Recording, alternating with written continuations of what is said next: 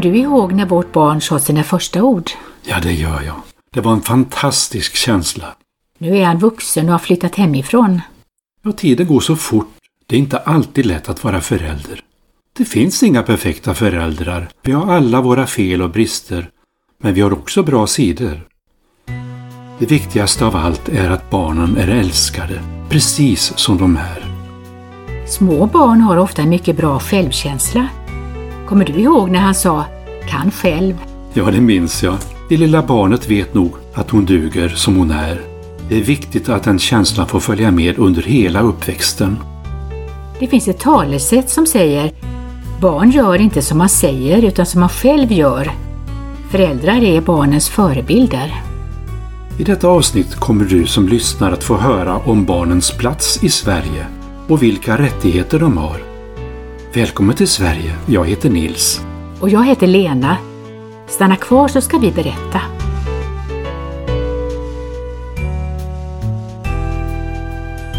Barnkonventionen är FNs internationella regler som ger domstolar och myndigheter ökad skyldighet och fler möjligheter att fokusera på barns rättigheter och se barn som egna individer. Sveriges riksdag har bestämt att dessa regler ska vara svensk lag. Den svenska organisationen BRIS är en förkortning av Barnens rätt i samhället. De skriver att eftersom föräldrar kan ha olika åsikter om vilket ansvar de har för sina barn så måste det finnas en lag som skyddar barnen. Vet du vad lagen heter Nils? Du menar föräldrabalken? Där står det om vilka rättigheter barn har och vilka skyldigheter föräldrar har i förhållande till sitt barn. Ja, det var den lagen jag tänkte på.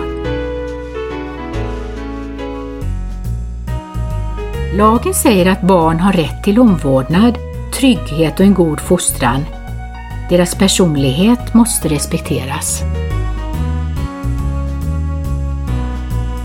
Det är viktigt. Barn är ju det värdefullaste vi har.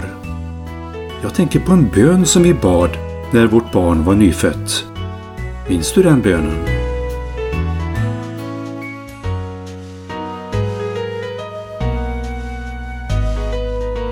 Du menar, Gud, vi tackar dig för våra barn. Tack för gåvan du har gett och förtroendet du har visat oss. Ge oss ömhet, fasthet och lugn. Hjälp oss att ge din kärlek vidare till de barn som vi har fått ansvar för. Ja, den bönen menade jag. Det är en bra bön. Man behöver verkligen Guds hjälp för att kunna vara en god förälder. När vi pratar om att barn har rätt att utvecklas utifrån sina egna egenskaper, vad menar vi då? Vi menar att barn har talanger som bara väntar på att få utvecklas. Det är viktigt att alla människor får möjlighet att utveckla sina talanger i sin egen takt och efter sin egen förmåga. Barn behöver också tydliga gränser. Det är inte okej okay att sparka och slå sina kamrater. Det är inte okej okay att säga dumma saker eller reta någon. Man måste lära barnet att förstå vad som händer inom en människa som utsätts för en sån behandling. Det är väl självklart att föräldrar sätter tydliga gränser för vad ett barn får eller inte får göra. Barn kan ju göra sådant som varken är bra för dem själva eller andra. För de flesta föräldrar är det självklart, men det finns föräldrar som inte bryr sig om vad deras barn gör. Och det finns föräldrar som löser konflikter genom att slå barnen. Det är absolut förbjudet enligt svensk lag. Ingen får använda våld mot ett barn. Våld skapar rädsla och otrygghet och barnet lär sig inte att hantera konflikter. Vi ska prata mer om våld i familjen.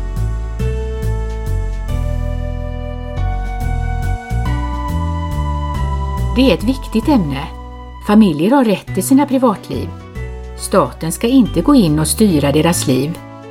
Men om ett barn utsätts för fysiskt eller psykiskt våld i hemmet är det inte längre privat. Då har myndigheterna rätt att gripa in för att skydda barnet. Förr i tiden hade barn inte samma skydd i lagen som vuxna mot misshandel. När lagen mot aga infördes i slutet av 1970-talet var många föräldrar rädda för att det inte skulle gå att uppfostra barnen om de inte fick slå dem. Men lagen är ett viktigt skydd för alla de barn som utsätts för våld, kränkningar och bristande omsorg. I Sverige är alla former av våld mot barn förbjudet. Ett barn är beroende av vuxna och är alltid i underläge och kan inte försvara sig självt. De flesta svenskar tycker att det är en bra lag. Tyvärr finns det fortfarande föräldrar som misshandlar sina barn. Oftast är det män som misshandlar både sina fruar och sina barn, men det finns även barn som blir misshandlade av sina mammor. Det kan också finnas kvinnor som slår sina män. Att gång efter gång säga kränkande saker som skadar självkänslan är också en form av misshandel. Våld i familjen, våld i samhället och våld mellan länder är det absolut sämsta sättet att lösa konflikter på. Barn som blir slagna av sina föräldrar eller ser en förälder slå den andra föräldern kan få psykiska och fysiska skador för livet. Om barn är med om att deras pappa löser konflikter genom att slå både dem och mamman är risken stor att de gör likadant mot sina egna familjer när de blir vuxna. När föräldrarna är skilda bor barnet oftast vissa perioder hos mamman och vissa perioder hos pappan. Ett barn har rätt att växa upp både hos sin mamma och sin pappa. Vid skilsmässa har barnet rätt att träffa båda föräldrarna, men ibland är det inte möjligt. Det kan bero på att någon av föräldrarna har misshandlat barnet eller utsatt barnet för sexuella övergrepp. En av föräldrarna har kanske problem med alkohol och droger och kan därför inte ta hand om sitt barn.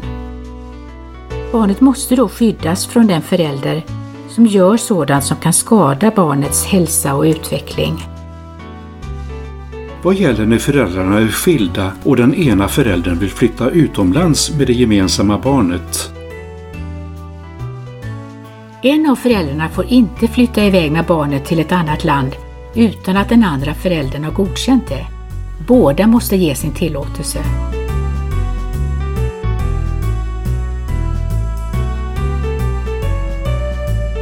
Nu ska vi prata om ett annat ämne, nämligen mobbning. Med mobbning menas att någon eller några personer vid upprepade tillfällen utsätter en annan människa för kränkande behandling. Personen kan bli slagen eller knuffad och få kläderna förstörda. Det innebär till exempel att en person gång på gång blir retad för sitt utseende, sin dialekt eller kallas för namn som är förnedrande. Det kan också handla om att sprida rykten och förtala eller skriva nedsättande kommentarer på internet. Vissa barn vill inte berätta för sina föräldrar att de är mobbade i skolan. De känner sig ledsna och oroliga och har inga kompisar att leka med. En del barn har ont i magen eller ont i huvudet och vill inte gå till skolan. Vad kan man göra som förälder? Kontakta läraren i skolan och berätta om din oro.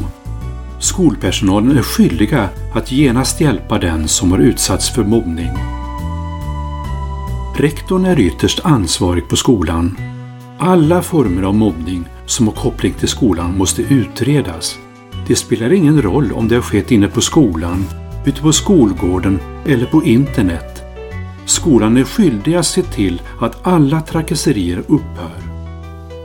Det är även förbjudet för skolans personal att kränka en elev med nedsättande kommentarer eller använda fysiskt våld. En skola kan få betala skadestånd om de inte följer lagen. Det är bra att det görs något åt problemet.